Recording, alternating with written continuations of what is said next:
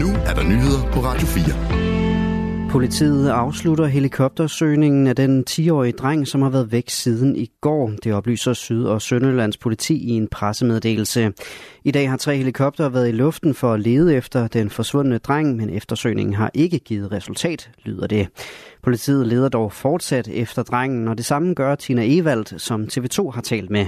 Jeg blev opmærksom på, at der var forsvundet et barn herude, og det kunne lige så godt være mit eget barn, så jeg tænkte selvfølgelig, ville jeg hjælpe med at lede. Hun fortæller, hvordan hun har let efter den 10-årige dreng. Altså lige nu, der øh, leder vi jo meget øh, på skolen og bag skolen, fordi der er et stort øh, skovområde.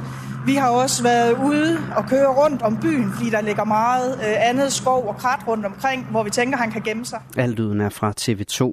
Den 10-årige dreng forsvandt til fods fra sin skole i Grimstrup i Esbjerg Kommune i går omkring kl. 13. Her havde han en grøn jakke, gul trøje, grå joggingbukser og kondisko af mærket Fila på. Han gik desuden med en sort taske. Politiet kan kontaktes på 114, hvis man har oplysninger om sagen. Den landmand, der stod bag den omstridte galge-kommentar mod professor Michael Svare, kalder kommentaren for en joke, men han fortryder ikke kommentaren, der har fanget opmærksomheden hos flere ministre og folketingsmedlemmer. På Bæredygtigt Landbrugs generalforsamling sagde Holger Iversen fra Als ifølge Berlingske blandt andet følgende til Michael Svare.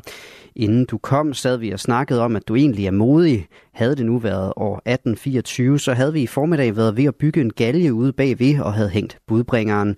Vær glad ved, at det hedder 2024. Men man skal jo se kommentaren i helhed, siger Holger Iversen i dag. Det er jo ikke noget med, at jeg vil hænge ham over hovedet. Jeg siger bare, hvad der ville være sket, hvis det var for 200 år siden. Han ville ikke kunne komme afsted med sådan noget her.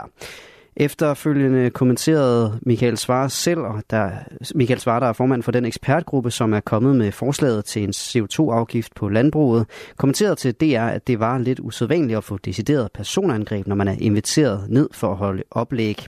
Og formanden for Bæredygtigt Landbrug, Peter Kær, tager afstand til kommentaren fra Holger Iversen bæredygtig landbrug tager 100% afstand fra den kommentar, der var på vores generalforsamling, og det er slet ikke foreningens holdning. Adspurgt om der kommer til at være konsekvenser for Holger Iversen efter kommentaren faldt afviser Peter Kær og siger. Det var sagt i al fredsommelighed, og dem, der har været på mødet, vil jo nok vide, at det var en joke, ligesom, ligesom man siger i en, i en, i en skæv øh, forvikling. Det er overhovedet ikke vores politik.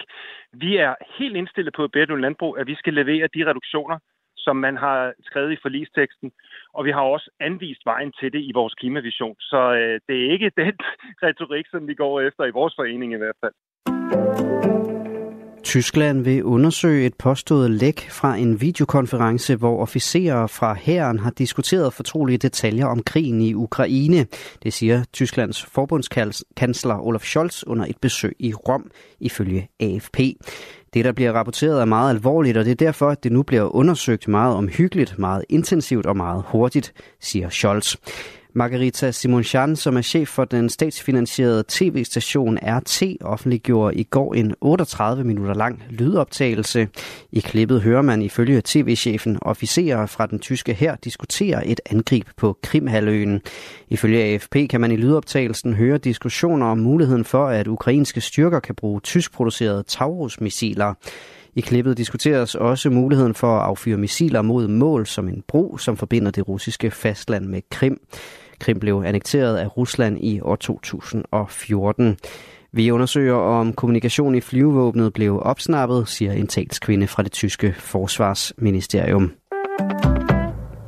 Spansk politi har anholdt 14 personer i forbindelse med en sag om falske 100 eurosedler til en værdi af 1,1 millioner euro, svarende til næsten 8,2 millioner kroner, det skriver nyhedsbyrået Reuters.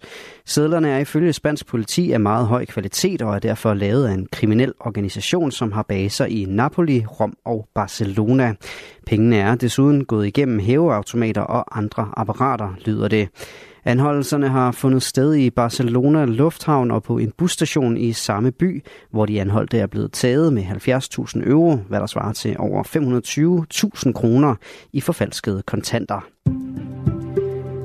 Gråvejr de fleste steder i dag og stedvis tåge eller perioder med regn. I den sydvestlige del af landet klarer det dog op med lidt eller nogen sol. Temperaturer mellem 5 og 10 graders varme. I aften og nat mest tørt og i starten stedvis klart vejr, især i den sydvestlige del af landet. Det var nyhederne her på Radio 4 med Asbjørn Møller.